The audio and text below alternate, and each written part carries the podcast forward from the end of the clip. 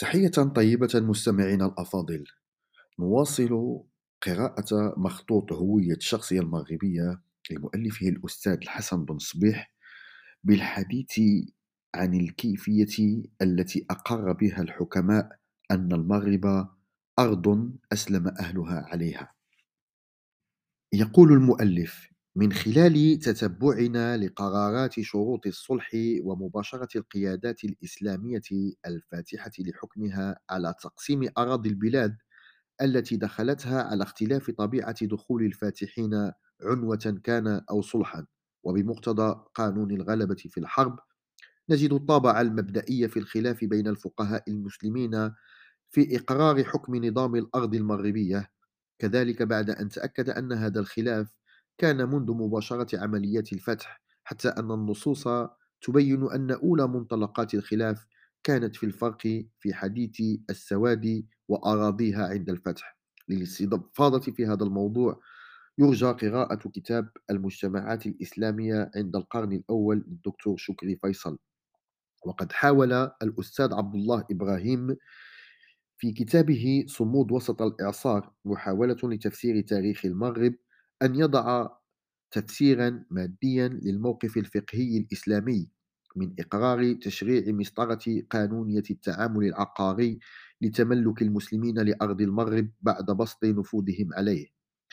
فجعل الخلاف ناشئا عن ثلاث تيارات أساسية فذكر أن الملكية الزراعية خاصة قد فقدت منذ الفتح مغزاها العملية في الأرض المغربية.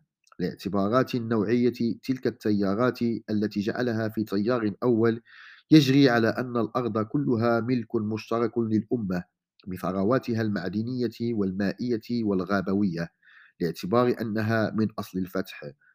والتيار الثاني يجري في اتجاه نظري معاكس حسب تفسيره على أن اعتبار الأراضي قد أسلم عليها أهلها بصفة فردية ولا أساس مطلقا من هذه الناحية بالذات عند الأستاذ عبد الله إبراهيم لأي تدخل للدولة ولا لأي إشراف جماعي. والتيار الفقهي الثالث في منظوره يجري على التفرقة بين مناطق الزراعة المهجورة التي انتقلت ملكيتها عفوا إلى سلطة الأمة والمناطق الزراعية التي بقيت تحت تصرف أصحابها رغم الحروب. ولتتضح لنا تنظيرات الإشكالية من قانونية الأرض التي أتيح إقرار شرعية ملكية البلاد المغربية عند عملية الفتح؟ فقد تعرض الناصري في كتابه الاستقصاء لتبسيط أوجه نوعيات المسطرة القانونية للتشريع المعمول عليه في تصنيف أحكامها على ثلاث بنود نقلها عن رئيس المركز المالكي بالقيروان لعهده الإمام أبي الحسن القابسي رفيق الإمام الأصيلي ودراس بن إسماعيل وسعاد الفاسي في الدراسة بمصر والشرق. فقد كان أبو الحسن القابسي عند تعرضه في شرحه للموطأ في كتاب الجهاد منه.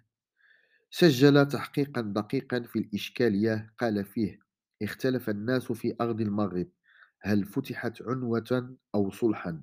أو مختلطة أي البعض عنوة والبعض صلحا على ثلاثة أقوال. الأول وهو الذي يظهر في رواية أبي القاسم عن مالك أنها فتحت بالسيف عنوة لأنه جعل النظر في معادنها للإمام. ثانيا أو القول الثاني أنها فتح فتحت صلحا صالح أهلها عليها. فإن كان ذلك جاز بيع بعضهم من بعض. والقول الثالث يقول أنها مختلطة هرب, بعض هرب بعضهم عن بعض وتركوها فمن بقي بيده شيء كان له وهو الصحيح. والغريب أن نجد الدكتور شكري فيصل الذي رغم استقصائه لعمليات الفتح وتأكده من خلال النصوص التاريخية التي باشرت طبيعة الموقف الجماعي لمختلف أهالي المناطق التي اكتسحها الفتح. فقد اتخذ سيرها عاديا وطبيعيا. فهناك محاور لمناطق تمت بصلح حكما دون اعتبار لمستند فيه. فيقول أيما كان الأمر فقد أثار المتأخرون قصة الفتح العنوة والفتح الصلح وواضح أن الأرض في المغرب فتحت عنوة. ويرجح بذلك حكم البند الثاني ثم يعقب على إرجاعها للبند الأول في الحكم فيقول ولكن الأصل النظري في تقسيم الأرض العنوة لم يطبق في بلد من البلدان المفتوحة وإنما كانت تجري مجرا واحدا وتشملها أحكام الأرض الصلح وتبقى في يد أصحابها على أن هناك مؤشرا هاما في نظرنا الخاص حجته ما سبق أن أكده الدكتور شكري فيصل وأثاره باهتمام وإن كان أغفل أهميته, أهميته في الأخير. ذلك المؤشر الواضح في انعدام عقود صلح وعقود شروط بين القيادات الإسلامية وبين الأهالي المغاربيين. وملاحظة غياب الدعاء الذي ما لاحظنا تجدده إلا في عهد عقبة فقط. ذلك الدعاء الذي كان يشكل في شرعية المد العسكري شرعية الفتح كمادية وغائية وفاعلة في في نفس الوقت حيث يلزم القادة الفاتحون أن يدعوا قبل الإعلان عن القتال الأهالي الذين قاربوهم بدعوة الإسلام واعتناق الدين. ولذلك فإننا نؤكد على طرافة هذه الظاهرة التي لولا تفرد المغرب بها لما حصل إشكال متنوع ولما أورد مناقشة الفقهاء والمتتبعين باهتمام والتركيز عليها. وقد أورد شكري فيصل أن المؤرخين والفقهاء في المغرب يتلمسون تعبيرا جديدا فلا يتحدثون عن العنوة والصلح وإنما يقولون أن أرض المغرب أسلم عليها أهلها. والحقيقة أن هذا التخريج الفقهي لم يكن المغاربة ليدرجوه كورقة عمل في متابعة أحكام قضايا قانونية السيادة على الأرض وامتلاك بلادها لولا ما ثبت لديهم من إجماع من إجماع عفوا تعرضنا لبعض مظاهره في معالجتنا لفتح المغرب. إذ تؤكد المصادر المعلوماتية أن الفتح كان بإعياز لباقي المناطق كما بسطناه في محله. وأن طبيعة الفتح في المغرب كانت مغايرة لباقي المناطق وعلى هذا الاعتبار جعلت طبيعة الفتح تدفع الناس ليعلنوا إسلامهم على أراضيهم وجعلت الفاتحين يركزون محاور القتال على عدو مشترك هو الوجود البيزنطي في المنطقة. وسنعطي استدلالات لتفسير هذه المنطلقات. بعد أن نوضح أن الدكتور شكري فيصل قد سبق أن أحالنا في مبحثه إلى أن نسأل طبيعة الفتح فهي التي تفسر لنا ظاهرة متغيرات الظروف والنتائج المترتبة عن عمليات الكسح في الفتوح. حين قال خصوصا ولعل طبيعة فتح المغرب هي التي تسأل عن هذه الظاهرة وهي التي تعللها. فقد تطاول على هذا الفتح الأمد واتخذ أطوارا من الهزيمة والنصرة. ونظرية أبي الحسن القابسي التي نقلها الناصري عن شرح الأول للموطأ تعطي ضبطا لحالات تم فيها التعادل في موقف الحرب وهذه حقيقة تؤكد التدرج الذي استوى عليه عمل فتح البلاد المغربية في أكثر من جهة من حدود برقة إلى آخر شط المحيط الأطلسي بالسوس الأقصى. نحن إذا أمام صياغة من خبراء مغاربة حول أصل الملكية الحارمة في حكم السيادة على الأرض المغربية. تلك السيادة التي كانت المرجعية في امتلاكها لدى المركز المالكي المغربي بفاس بالقرويين وبالذات لدى كبير علماء المغرب الإمام أبي جيد الفاسي حين كان في عهده دخل للعاصمة فاس أحد عمال المنصور بن أبي عامر وتغلب على أرض فاس فلما أعلن وقف القتال قال للأهالي أخبروني عن أرضكم أصلح هي أم عنوة؟ فالتجأوا إلى الإمام أبي جيدة الذي أدلى بتصريح شرعي محفوظ فقال إنها أرض أسلم أهلها عليها. وقد أكد هذه الخبرة في الحكم الدارسون واعتمدها الدكتور حسين مؤنس في أبحاثه عن فتح العرب للمغرب. وقد حقق الشيخ العلامة عبد الله كنون في النبوغ متابعته لإشكالية أمر هذه النازلة فكتب واشتهر بفتواه في حكم أرض المغرب التي أنقذ بها البلاد والعباد من سطوة الجبابرة وذلك أن أن عامل المنصور بن أبي عامر لما تغلب على فاس قال لهم أخبروني عن أرضكم أهي صلح أم عنوة فقالوا لا جواب عندنا حتى يأتي الفقيه يعنون أبي جيدة وكان يعمل في بستان له خارج المدينة. فلما جاء سأله فقال ليست بصلح ولا عنوة وإنما أسلم عليها أهلها فبقيت لهم. فقال العامل خلصكم الفقيه. وهذه الفتوى هي مضمون كلمة الرئيس الأمريكي مونرو أمريكا للأمريكيين. فقد سبقه بها أبو جيدة بعدة قرون. كان يقول المغرب للمغاربة. وكانت وفاة أبي جيدة سنة 365 للهجرة الموافق ل 975 للميلاد. وهناك تأكيد آخر جرى عليه التدلي الحافظ أحد فقهاء المغرب في القرن السادس الهجري أن أرض المغرب أسلم عليها أهلها. وأك- وأكفى ذلك وأكد عفوا وأكد ذلك الفقيه زكريا بن أبي بكر أنه لا خلاف في أن أهل المغرب أسلموا عليه فلم يعز إلى عنوة ولا إلى صلح. ثم إن ابن خلدون المحقق الخبير بأبعاد الدراسات التاريخية للبلاد المغربية قدم لنا تخريجا فريدا في موقف من في موقفه من هذه الإشكالية. ويرجع ويرجع أطروحته بناء على ما ثبت لديه من انعدام عقود الصلح.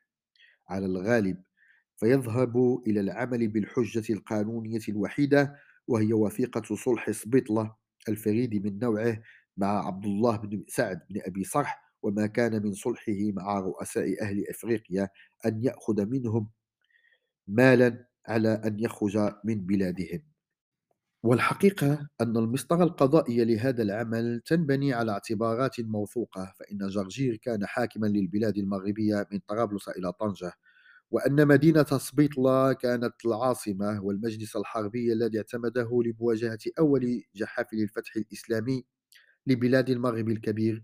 لا يخلو أن يكون مركبا من عناصر ممثلة لمختلف جهات نفوذه. ولهم كان الحل والعقد في إعلان المخطط صد الكسوح الإسلامي. وقد استقصى ذلك ابن خلدون نفسه وأكده في تاريخه فقال ولم تزل بلاد المغرب إلى طرابلس وإلى الإسكندرية عامرة بهذا الجيل من الموريين ونقلت الأخبار عن العرب كما هي فجرجير المقتول عند الفتح من الفرنجة وليس من الروم وكذا الأمة الذين كانوا بإفريقيا غالبين على الموريين بمدنها وحصونها إنما كانوا من الفرنجة. فكان الموريون بإفريقيا والمغرب قبل الإسلام تحت ملك الفرنج وعلى دين النصرانية الذين اجتمعوا عليه مع الروم وكان جرجير ملك ما بين طرابلس وطنجة وكانت دار ملكه سبيطلة. لذلك فإن الصلح الذي عقده المسلمون مع سكان سبيطلة بعد قتل جرجير يجري العمل به في مختلف أرا- الأراضي التابعة للسيادة التي كانت ممثلة في العاصمة سبيطلة ولهذا علق ابن خلدون على ذلك الصلح بقوله وهذا الصلح يشمل جميع أهل البلاد وكان ابن عذاري في كتابه البيان أيضا ممن ركز على هذا الصلح فيما حققه من أخبار عن المصادر الأمهات قال وكان صلحهم أن ما أصاب المسلمين قبل الصلح فهو لهم وما أصابوه بعد الصلح ردوه عليهم ثم قال في موضع آخر وفي سنة 33 للهجرة الموافق ل 653 للميلاد كانت غزوة عبد الله بن أبي صرح إفريقيا مرة ثانية حين نقض أهلها العهد. في حين تثبت الصرادات الإخبارية التي غطت كسوحات باقي الفتوح إسلام الموريين على أراضيهم فيما تلا هذه السنة. قال ابن خلدون ودخل عقبة المغرب الأقصى وأطاعته غمارة وأميرهم يومئذ يوليان الغماري ثم أجاز إلى وليلي ثم إلى جبال دارن وقاتل المصامدة وكانت بينهم وبينه حروب وحاصروه بجبال دارن ونهضت إليهم جموع زناتة وكانوا خالصة للمسلمين منذ إسلام مغراوة فأفرجت المصامدة عن عقبة. وفي رواية ابن عذاري فسار عقبة نحو المصامدة بعد فتحه طنجة على ما ذكرنا من الصلح والمسلمة بسياسة يوليان. في موضع آخر وفي موضع آخر عفوا ثم خرج موسى غازيا من إفريقية إلى طنجة فلما رأى الموريين نزل بهم. استأمنوا وأطاعوا فولى عليهم واليا واستعمل, واستعمل مولاه طارقا على طنجة. وفي رواية ابن القطان في هذه السنة أي سنة 86 للهجرة الموافق ل 705 للميلاد بعث موسى بن نصير أثر بيعته للوليد. وبعث زرعة بن أبي مدرك إلى قبائل من الموريين فلم يلق حربا منهم فرغبوا في الصلح منه. فوجه رؤساؤهم إلى موسى بن نصير فقبض, فقبض رهونهم ثم قال ولم يدخل المغرب الأقصى أحد من ولاة خلفاء بني أمية بالمشرق إلا عقبة بن نافع الفهري ولم يعرف المصامدة غيره. وقيل أن أكثرهم أسلموا طوعا على يديه ووصل موسى بن نصير بعده تلك إذن التحقيقات التي مثلت المستويات العلائقية بين النصوص السرادية التي تؤكد ما جرى من الصلح بين القيادة العامة لأركان الحرب الإسلامية العربية وبين الموريين والتي تتفق أن وصول فيلقها إلى المغرب الأقصى كان قد سبقه التهيئ للانضمام والانتساب إلى الإسلام. بحيث ما وطئت أقدامهم الجناح الأخير من المغرب الكبير حتى كان أهله قد أسلموا عليه حقنا للدماء وحفاظا على الأرواح والمتاع وعلى الممتلكات.